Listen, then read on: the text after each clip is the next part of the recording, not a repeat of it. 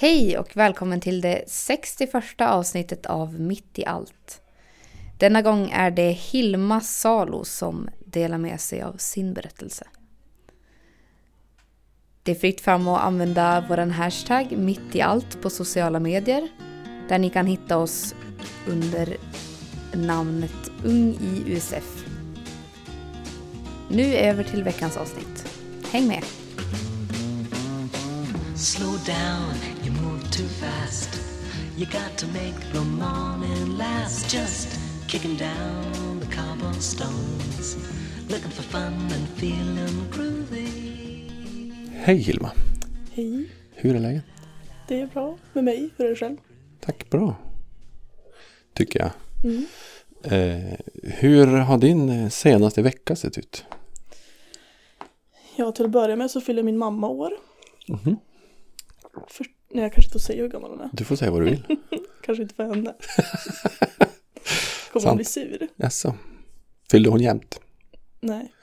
Bara en vanlig? Mm, bara vanlig siffra. Firar ni mycket?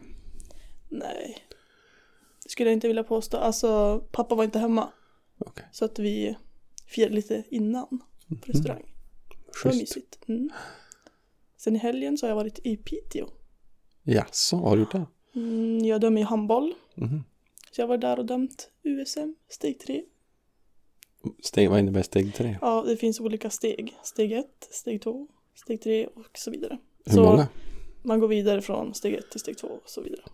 Och det handlar alltså om ålder på, eller nivå på spelarna mm. eller? Alla lag i Sverige möter varandra. Ja. Sen är det ett som vinner. Ja. Då blir man. I varje steg eller? I varje ålders klass. Men va, va, Stegen är ju bara att de som vinner från steg ett går vidare till steg två. Okay. Det finns olika grupper. Ja, Okej. Okay. Och när... Så alla vinnare från steg ett möts i steg två. Och alla vinnare från steg två i steg tre? Ja. Och hur många, när har man vunnit SM? Jag tror att det är steg fem. När man har vunnit steg fem. Okej. Okay. Jag är inte jätteinsatt i de här olika stegen. Okay. Men... men du dömer? Mm. Hur är det att vara domare? Alltså det beror helt på. Vissa gånger är det ju jättenice att vara domare. Mm. Och vissa gånger är det ju inte alls nice att vara domare. När är det nice? Jag tycker att det är nice när alltså både tränare och spelare är nöjda med ens prestation. Det kan ju vara vad som helst. Alltså typ att Ja, det, vi var på en kupp, jag och min domarpartner. Och så kom en tränare fram till oss och sa Gud, ni är de bästa domarna vi haft på hela den här kuppen. Vad roligt. Och det, det, jag tycker det är jätteskönt att höra att man liksom att vi kan prestera så bra. Mm. Ja, vissa gånger är det ju mindre kul. Skulle jag vilja påstå. Um, jag vet inte, jag fast funderar kring det här med um, som domare jag har ju aldrig dömt själv, men jag kan tänka mig att, att man tycker att en domare är bra när man får domsluten med sig. Väldigt enkelt. Ja, men, det är men om, man, om man dömer mot, då är domaren, alltså man får ett domslut mot sig, så då är domaren inte bra. Mm, jo, det är mycket sånt. Mycket, mycket sånt tycker jag. Det var någon match eh, på en kupp där ledaren efter matchen kommer fram och bara skriker rakt ut att vi liksom är de sämsta domarna på hela kuppen och att han har spelat in hela matchen och att vi har gjort jättedåliga domslut. Då känner man ju bara, ja men okej, okay, jag kan sluta döma om det liksom är det du vill att jag ska göra. Ja. Det, då känns det ju som att då har man ju nått botten av ja. sitt, sin domarkarriär om man kan ja. säga så. Jag tänker att som, som vuxna ledare för barn mm. eller ungdomar som tränar så måste man kunna ha lite distans till det där. Ja, och visst, vi får inte alla domslut med oss. Nej, men det är ju inte, alltså det är inte OS. Sen Exakt. är det ju barn. Det finns ju vissa tränare som står och skriker så att eh, barnen börjar gråta på planen. För att ens tränare står och skriker på en. På riktigt? Ja, det tycker jag inte är okej. Okay. Alltså, inte någonstans. Så ska det inte vara i någon slags sport nej, Nej. eller i något annat sammanhang heller. Men, men hur, för det har ju sett en del i tidningar och sådär om, om de här föräldrarna vid sidan Mm. av eller coacherna som Ja, det har ju gått så långt att folk till och med, det blivit liksom handlat om våld ibland. Ja. Där vuxna ledare ger sig på unga. Hur vanligt är det här? Alltså jag har ju inte varit med om det själv. Inte våld i alla fall. Ah, nej, men, men att tränarna ändå konfronterar verbalt. Ja, ja gud ja. Är det vanligt? Ofta. Det är någonting man får räkna med. Speciellt i handboll.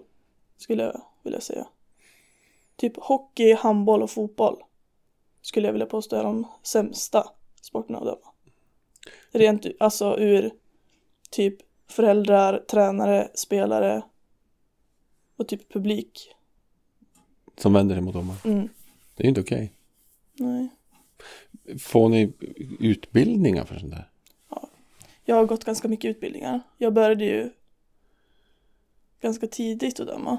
Mm. Och min pappa har varit ganska engagerad. Så jag har Ja, gått på oj, ganska mycket utbildningar. Ja, just det. Eh, och nu har jag gått den här regionkursen två år. Ja, just det.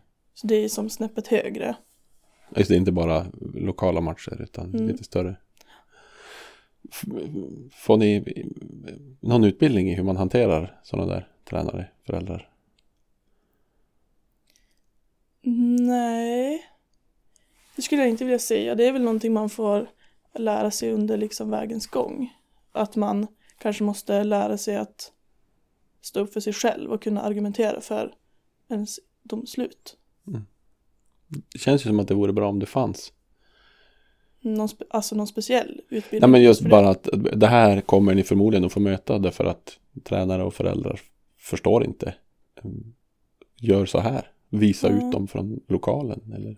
Och det har man ju fått höra några gånger men det finns ju som ingen utbildning på så sätt. Eller något Att- stöd tänker jag. Jo, vi har just ehm, från att man börjar döma på e-ungdom, Mm. det är det minsta, Mm. då är det små planer. Mm. Eh, då får man ju ha med sig domarmentorer Okej. som är på plats. Eh, som det står, så domarmentor på ryggen. Ja. Och då är det så här äh, att ja men om det är någonting, har man synpunkter på någonting, då får man gå till den personen. Man ska inte gå direkt till domaren. Okej. För att vissa domare är ju väldigt unga. Mm. Alltså typ 12. Oj. Så att det är ju lite svårt om en vuxen person skulle stå och skrika på en 12-åring. Men de gör ju det ändå. Ja, jag vet, men jag tycker nog att det har blivit lite bättre här, just här i Västerbotten, Ja. där jag mest dömer. Att det har blivit mycket, mycket bättre på den sidan, alltså av handbollen.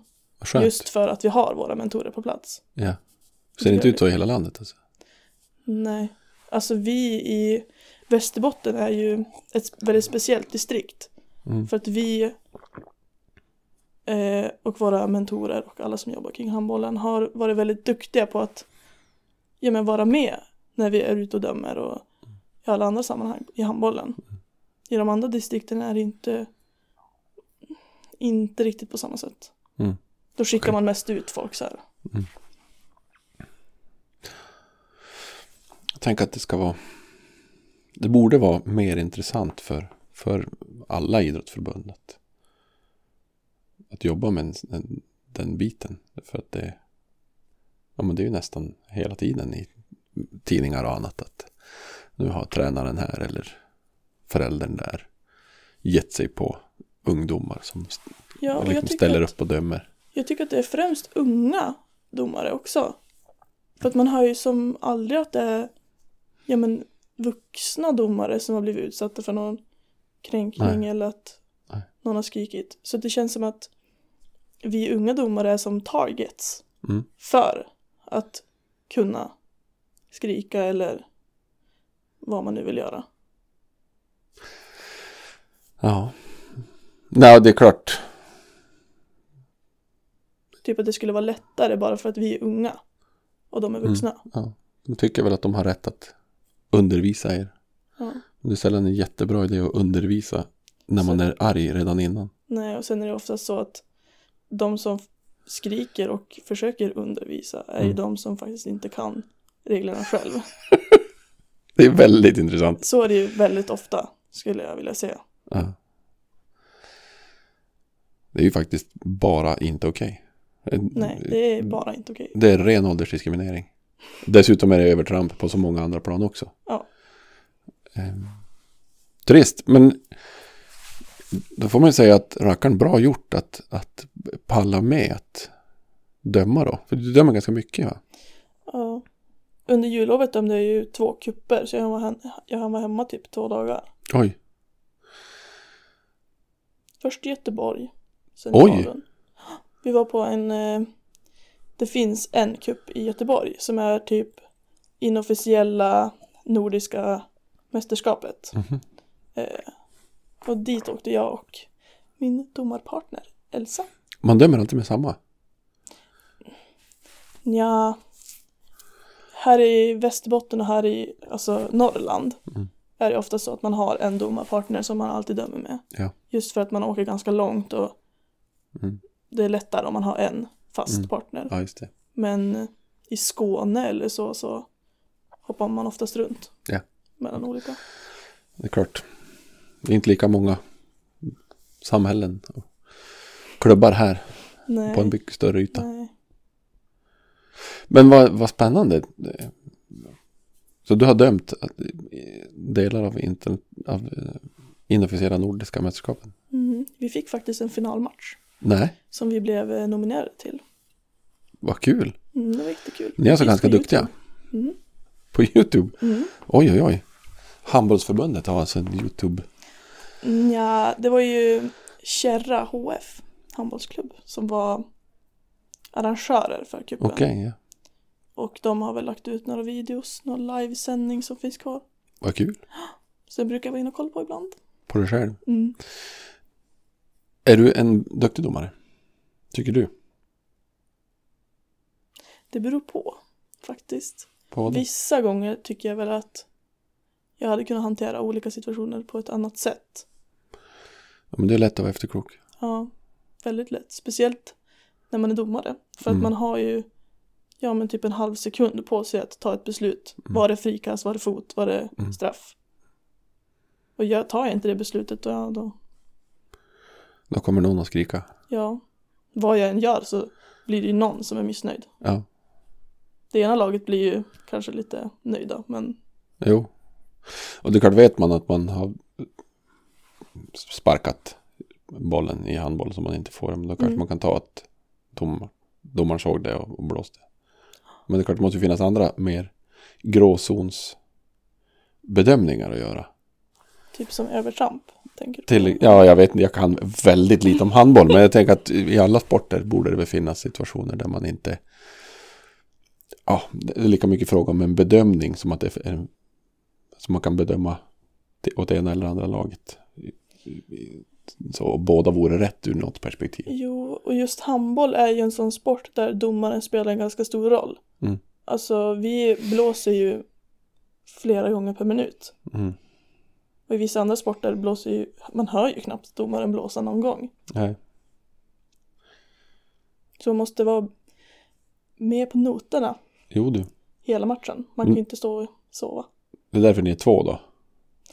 Ja, och så är vi två för att det är ganska mycket lättare att se olika situationer från olika vinklar. Mm.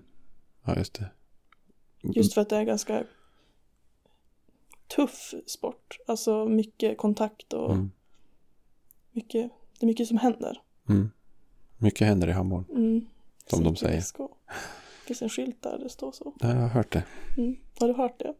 Jag har inte varit där, jag spelar inte handboll. Nej. Eller har aldrig hållit på med handboll. Men ordvitsar var man ju igång på. Hello, lamppost, what you knowin'? I come to watch your flowers growin'. Ain't you got no rhymes for me? Do it do do, feelin' groovy. Jag har barn som idrottar själv. Mm. Och jag är livrädd för att bli den där föräldern som sitter på läktaren och skriker på domaren. Så att jag tycker att det här är, är ja det är så, jag vet inte om jag ska använda ordet intressant. För det är bara fel att föräldrarna beter sig. Ehm, Ja, det är ju inte rätt i alla fall.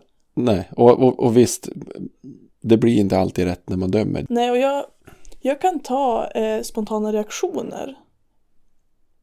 Jag menar att man kanske ifrågasätter ett domslut eller visst var det fot där och jag kanske ja, det kanske var fot. Mm. Jag kanske inte såg det du såg. Nej. Precis. Men att man, jag har ju varit med om tränare som ställer sig upp och slår i väggen eller kastar sitt timeout-kort eller skriker eller ja, vad som helst. Och det, ser- jag tycker, det ser ju varken bra ut för tränaren, laget, klubben Nej. eller för oss domare. Nej. Det blir ju fel på så många plan. Ja, absolut. För barnen som ska spela, vad lär de sig av det här? Ja men fatta att spela i ett lag och ha en pappa som sitter på läktaren och skriker. Det är inte Eller okej. mamma. Nej. Eller en faster eller vad som Ja. helst. I din bedömning, är det mest, mest män eller mest kvinnor? Mest män. Jag är inte särskilt förvånad. Nej. Och det är väl en ytterligare en del i patriarkatets makt över samhället. Nej Som jag, inte är okej. jag skulle vilja säga att de kvinnor jag har mött i handbollen som har varit tränare eller föräldrar. Mm. De har varit väldigt, väldigt bra i bemötande och inte alls skrikit eller levt rövare som man brukar säga. Ja. Så det är kanske en annan sak man kan tänka över. Papper kanske inte ska vara tränare. Nej, Eller, eller publik. nej. Det är lätt att det går överstyr. Det är inte okej. Men det är jättemycket snack om handboll här. För att jag tycker att föräldrar eh, missköter sig så ofta. Mm. Eh, och jag tycker att det är så viktigt för barnens skull. Men vi ska inte bara prata om det. Det är, det är inte för att jag ska få svar på mina frågor som vi är här. Eh, eh, utöver handbollen, berätta om dig själv. Vem är Hilma Salo? Ja. Jag är en tjej. Och jag går på Minerva gymnasium. Sista året, ekonomi. Mhm. Jättemycket matte. Okej, Ångrar mig. Jättemycket. varför då? Ehm, om jag ska vara ärlig så jag var ganska bra på matte tills sexan. Och i sexan tänkte jag bara jag orkar inte med matte. Och så räknade jag inte ett enda tal tills ettan på gymnasiet. Inte ens på proven? Jo, men det gick ju inte jättebra på proven. Sen när jag kom, jag klarade ju ett, ettans matte. Mm. Sen i tvåan fick jag ju inte godkänt. Mm. Och nu ska jag läsa en till kurs, trean också. Mm. Så jag har två kurser nu som jag måste försöka räkna av. Innan jag tar studenten. Så roligt. Nej. Varför valde du ekonomi då? Jag först tänkte jag ju välja natur. Mhm. Men eh, min lärare försökte väl få mig att inte välja den kursen för att hon fattade väl att jag inte skulle klara matten. Ja. Sen valde jag väl ekonomi för att eh, min pappa är ganska insatt i ekonomi och Ja. har jobbat som säljare och Ja. jobbar även som säljare idag. Så det var väl det jag tänkte att jag kunde få ganska mycket hjälp hemma av han om jag läste den linjen. Det är inte dumt.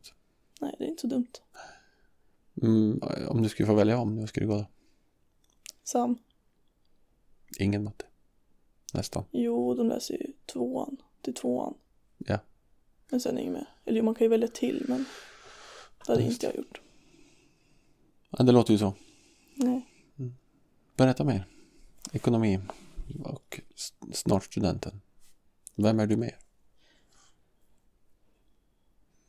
Jag har en katt och en hund. Hur går det? Inte jättebra. Vad spännande, vad bra. Ehm, min katt heter Bilbo. Det var jag som döpte han. Mm. Eh, han chillar mest skulle jag vilja påstå. Katter gör ju det. Mm, väldigt chill.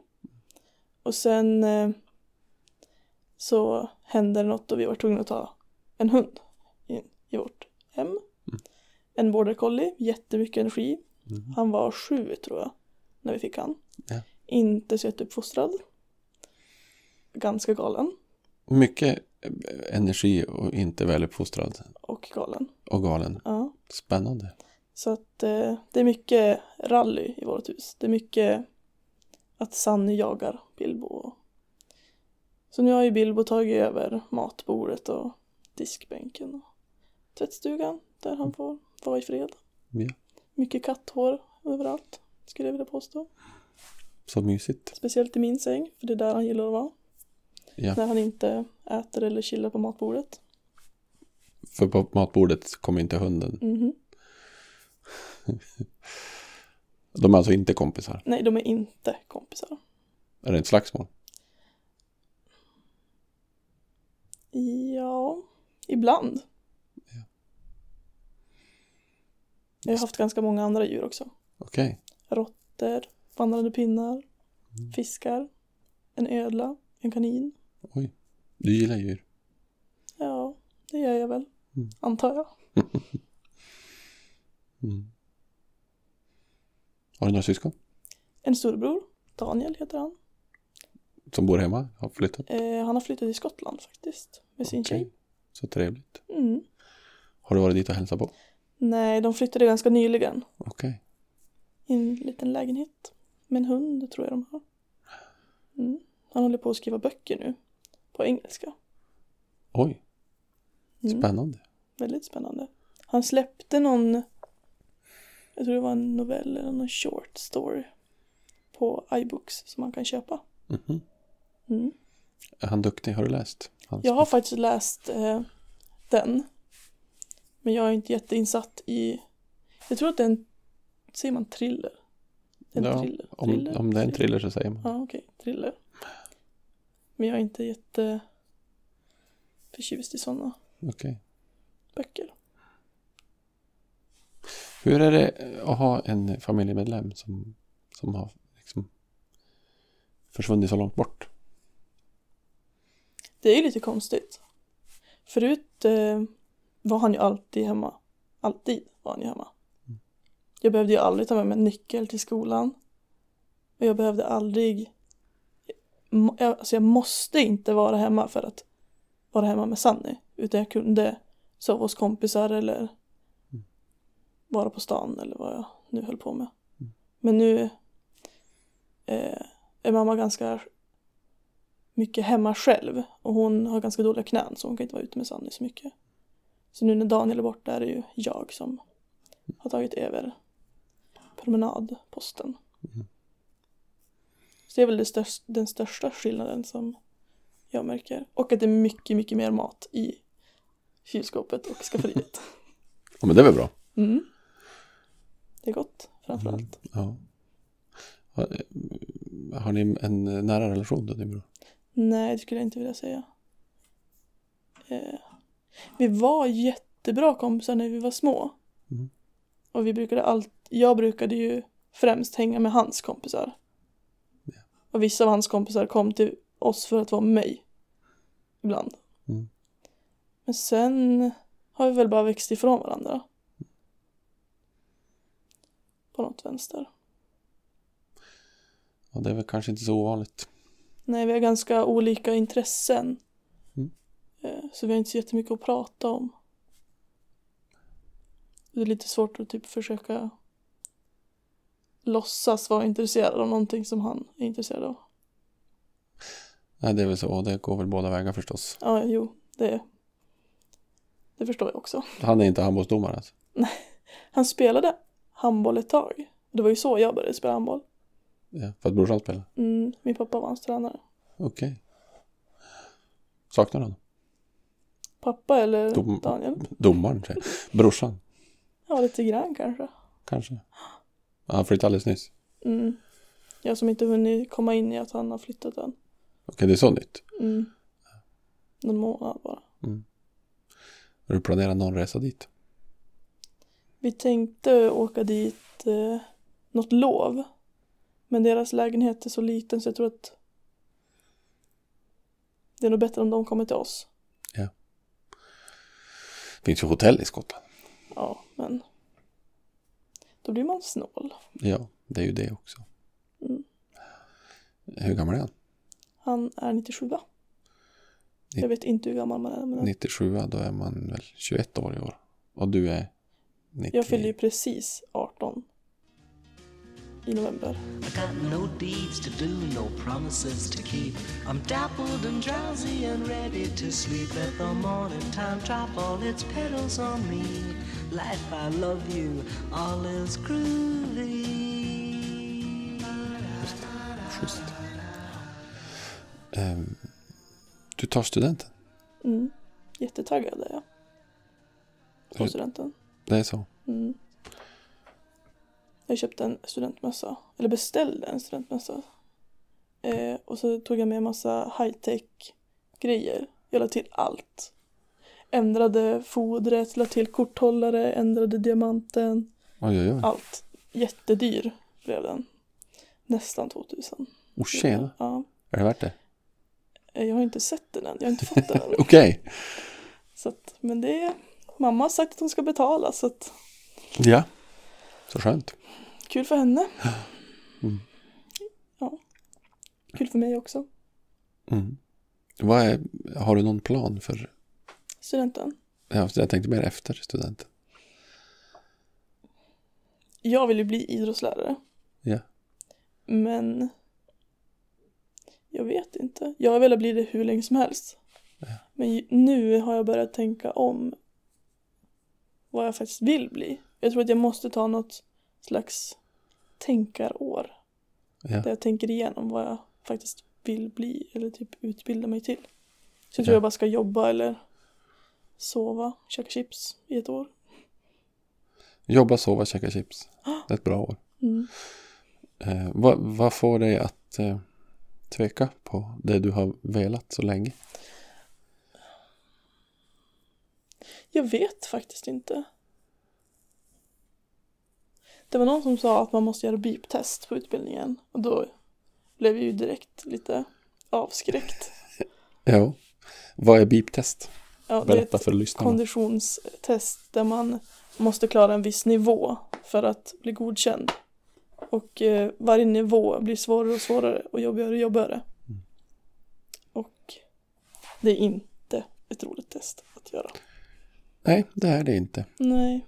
Löptester är inte kul. Och jag kan ju inte typ hoppa höjdhopp eller något sånt där heller. Och Okej. jag tror att man måste typ kunna göra det för att sen få instruera andra i att Ja, just det, någon sorts teknik, mm, kompetens. Mm. Ehm. Men om du hela ditt liv har velat bli idrottslärare. Kommer ett beep-test emellan då? Verkligen. nej alltså Det måste finnas nå- någonting mer, tänker jag, som, som får dig att tveka. Eller måste väl inte, men att det är en, sån, en så lång dröm. mm, jag tror att eh, anledningen till att jag vill bli idrottslärare eller vill eller vill slash ville Mm. är väl för att jag tycker om att dels idrott Mm. och eh, att hålla på med ungdomar. Mm. Eller yngre än mig, nu är jag också en ungdom men Ändå. Men eh, på senaste tiden tycker jag väl att det har blivit lite för mycket sport och ungdomar för Ja. mig. Alltså varje helg har ju jag något, något slags uppdrag.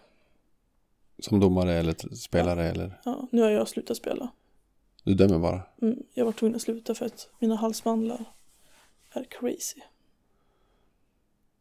Vilken spännande diagnos. Eh, jag... Eh, mina halsmandlar svällde ju upp i typ ettan på gymnasiet. Nian. Ja. Nian kanske tror jag var. Så att man såg dem på Mm. utsidan av halsen. Ja. Jag åkte till vårdcentralen och de bara nej det är inget, du är bara förkyld. Jag bara jaha. Sen typ två månader senare fick jag samma sak igen, åkte tillbaka och de bara nej. Det är lite streptokocker typ, det är ingenting. Åk hem, vila. Sen nu, ända sedan dess har jag fått det regelbundet. Hela tiden. Men de säger ingenting om vad det är. Nej, de bara nej vi typ kan inte fastställa vad det är för någonting. Du måste Märkligt. vila typ. Och sen nu fick jag ju, jag ska få operera bort dem. Men jag har inte fått någon tid. Så då var jag tvungen att sluta spela handboll för jag kan inte andas på planen. Ja, och, Det är ett ganska seriöst problem. ja men- det är det ju verkligen. Så då fick du sluta helt enkelt. Mm. Det där var... Kanske börja sen när jag opererar bort dem men det är ett tag kvar. Du har spelat hela ditt liv typ? Ja, sen jag var sex år. Oj, det är länge. Mm. Var du bra?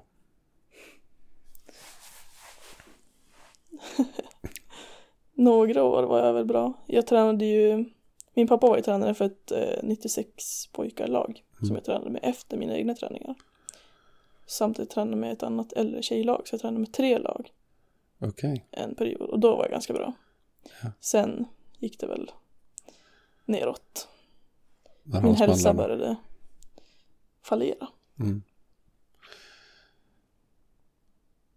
Det gick inte jättebra. Hur är det att behöva sluta? Det är jättetråkigt. Jag tänker när det inte var ditt liksom, beslut att det här är något jag inte vill längre. Mm. Utan för att det är något du inte upplever att du kan. På grund av hälsan. Nej, Hur, det är faktiskt jättetråkigt. Handbollen är ju och har varit en så pass stor del av mitt liv och min personlighet. Mm. Så att, ja men förut, jag var ju alltid den här, ja men, handbollstjejen. Mm. Nu är jag bara domartjejen typ. hur känns det då? Det känns ju både bra och dåligt. Jag vet inte. Jag vet ju inte vad andra definierar mig som för tjej eller om de ens gör. Ser mig som en vanlig tjej eller om jag har någon, Mm. Någon något ord före mitt tjej. Ja. Eh. Men ja. Jag skulle ju jättegärna vilja börja eh, spela igen. Ja. Men jag får se sen hur det blir med det. Jag har inte kunnat träna på ett år nu. På grund av halsbandet? Mm. Mer än ett år. Några månader också. Det tycker jag är jättetråkigt. Jag gillar ju att träna. Du kan inte träna någonting alls? Nej. Jag, jag satt hemma i sängen och så kollade jag på Facebook och så kommer det upp så här träningsvideos. Och så jag bara, nej, nu, nu börjar jag igen. Och så skulle jag testa göra lite benböj i mitt rum. Så gjorde jag 20 stycken. Så dagen efter kunde jag inte andas, då hade mina halsmandlar svällt upp jättemycket. Så märkligt. Ja. Jag gjorde liksom 20 benböj och dagen efter, Det är kört. ja, mycket tappar man på att inte träna? mycket. Jag, jag tänker alltså, kondition och, och, och styrka och så. Mm, jättemycket. Men jag tänker teknik och försvinner det också? Ja, alltså jag tror att jag har ganska mycket i, i vad säger man, rygg, ryggraden. Mm. Alltså, men jag känner ju att jag tappat jättemycket kondition och styrka. Mm. Muskler och allt. Jag får mycket mer ont, för mycket mer blåmärken nu. När jag inte tränar än vad jag gjorde när jag tränade. Mm. Jag tål mycket, mycket mindre nu.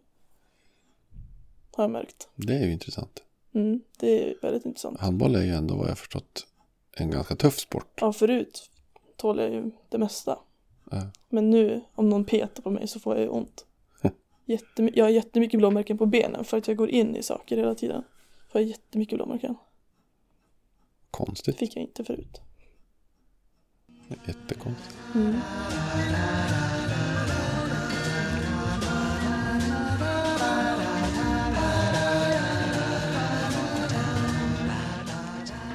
Jag, min pappa är väldigt engagerad i handbollen. Ja. Han har suttit med i Västerbottens handbollsförbund och Ja. Ja. Och han är ganska mycket med i nya domare som ska utbildas och döma sina första matcher och Ja. hela den balletten. Ja. Och det är väldigt många föräldrar som kommer till honom och säger att Gud, jag ser så stor skillnad på mina barn efter alltså att de har fått börja döma handboll för att de växer så mycket som personer när de får döma handboll. Ja. Eller vilken sport som helst, men nu är han bara med i handbollen. ja, just det. Mm. Så det tycker jag är jätteintressant. Det är därför jag undrade. Ja, men jag tänker att det där är, är viktigt. Mm. Att, att ha ett bra stöd. Både hemifrån och från.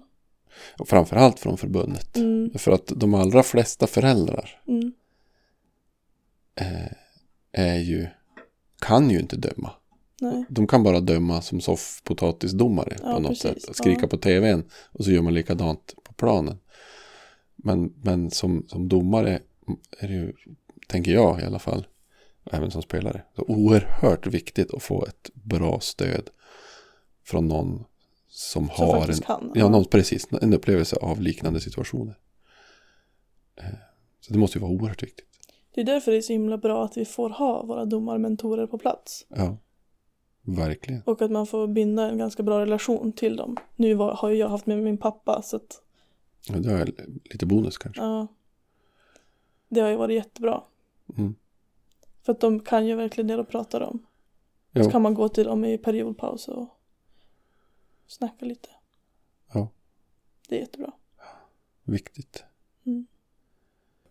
Om du nu inte blir idrottslärare. Mm. Vad är alternativen?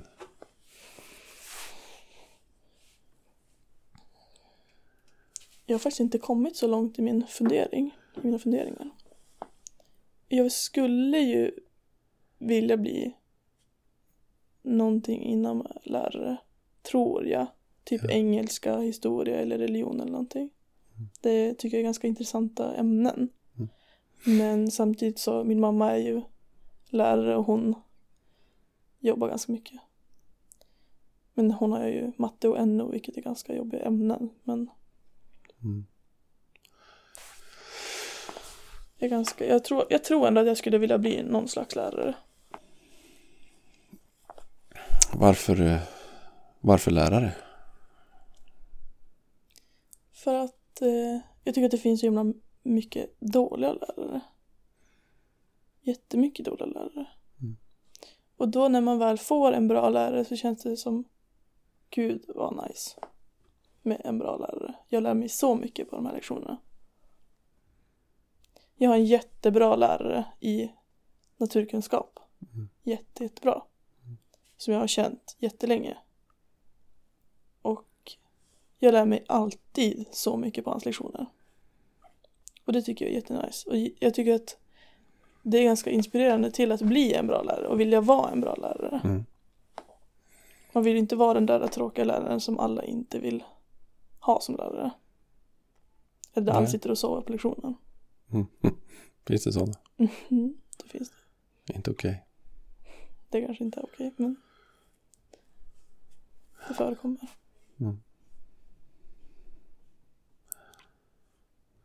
Men kan man inte bli den läraren som idrottslärare? Jo, Nu, jag ska inte tvinga dig att välja något, något det ena eller andra hållet bara utifrån något du sa tidigare. Men det är bara spännande. jo. Nu skulle jag kunna bli en idrottslärare. Jag skulle kunna lära mig alla de här äh, höjdhopp och stenkast eller vad det är för någonting man håller på med i friidrott. Mm.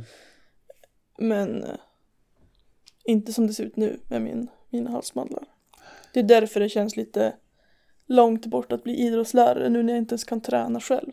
Mm. Ja, det är klart. Om man inte vågar lita på sin kropp då är det ju svårt att ägna sig åt sånt som Ja. kräver det. Jo.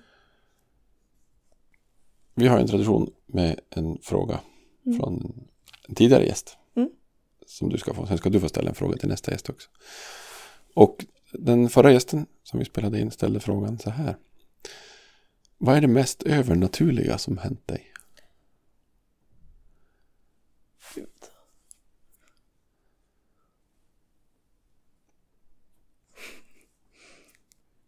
Jag tänker bara på en situation. Och det var nyligen. Mm. Där jag och mamma var hemma. Och pappa skulle åka och jobba. Han jobbar inte hemma.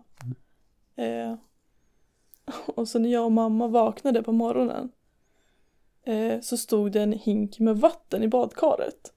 Och jag och mamma var hur rädda som helst. Både jag och mamma är så här väldigt, vi tror jättemycket på spöken och allt sånt där som har med spöken att göra och andar och sånt.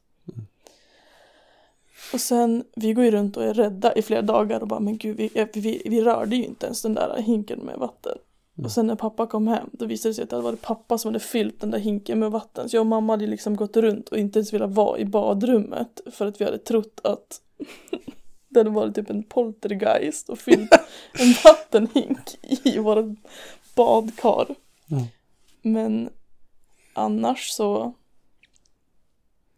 det var ju inte något övernaturligt men Nej. annars så är det väl ganska mycket typ när jag är ensam hemma så har jag ganska mycket olika saker, typ fotsteg kan jag höra. Mm. Eller att dörrar öppnas och stängs. Eller, det är ganska vanligt. Det hör jag ganska ofta. Tror du på, på liksom övernaturliga, Mm, det gör jag. Jättemycket. jag tänker kopplat till, till kyrkan som vi nu finns i. Har du någon, någon sån religiös tro om man ska, Ja. Det har jag. Jag tror att det, alltså jag tror inte, kanske inte på Gud så. Men jag tror att det finns någonting med oss. Alltså någon kraft eller någon ande eller så. vad är, vad är, vad är det som gör att du tänker att det finns något sånt men det skulle inte kunna vara en gud? Jag känner bara att Gud känns som en gubbe Mm. för mig. Mm. Typ på min konfirmation så, ja du var ju med. Mm. Så skulle man ju rita typ Gud på en, ett papper och jag ritade en gubbe på ett moln. Det tror jag inte, jag tror inte på det, att det finns. Jag tror mer att det finns någon, någon kraft som hjälper oss typ i vardagen eller som bara bevakar. Var kommer den tron ifrån? Jag tror att det är någonting jag bara har utvecklat själv. För att jag kommer inte från något, någon familj som är väldigt kristen eller tror på Gud eller går ofta i kyrkan eller så. Jag tror att det är någonting jag har fått, jag hittar på efter vägens gång.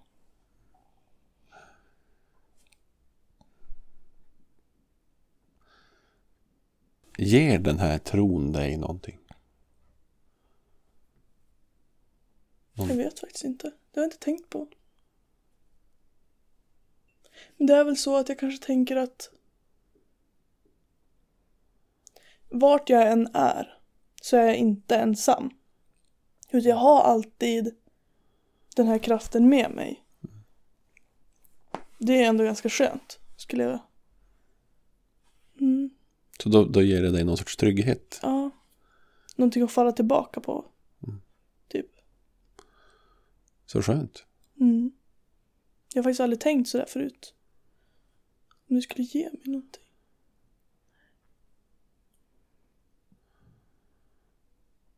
Jag ber ju som inte till, Nej, till Gud eller något sånt där. nej. Men ja.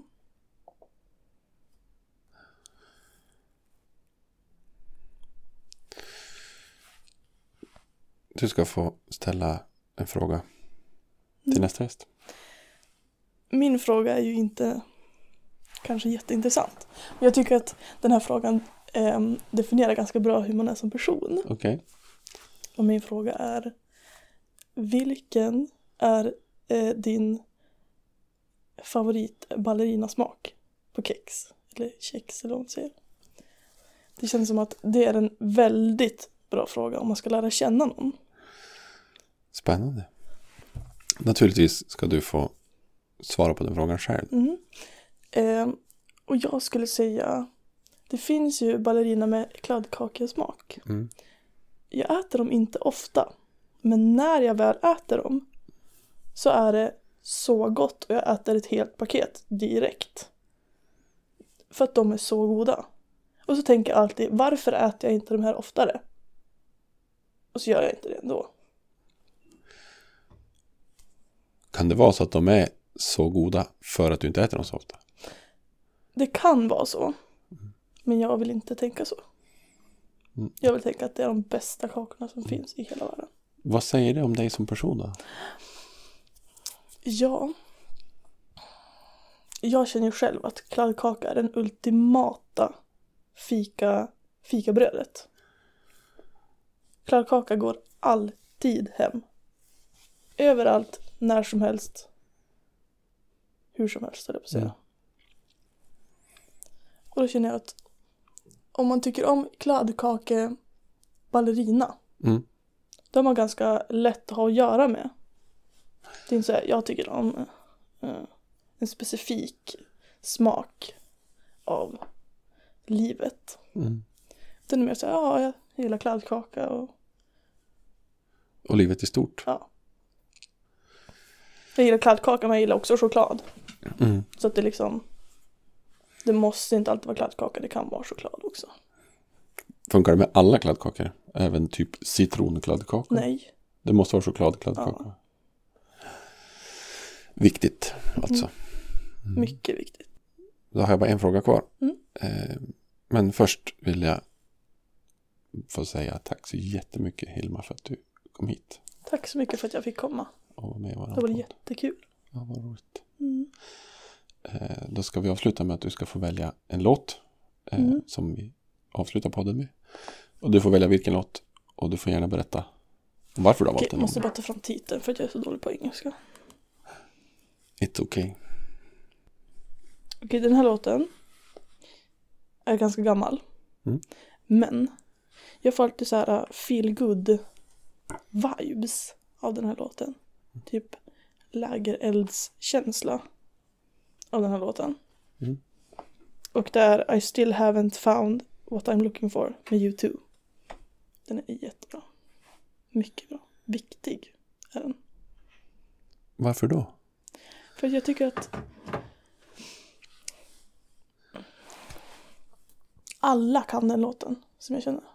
Orden i låten är mycket väl placerade. Jag tycker att den bara är skön att lyssna på. Typ på sommaren när man ligger i en soppstol Och så hör man fiskmåsar skrikandes i fjärran. Det är nice. Och en Berliner kladdkaka i ena handen.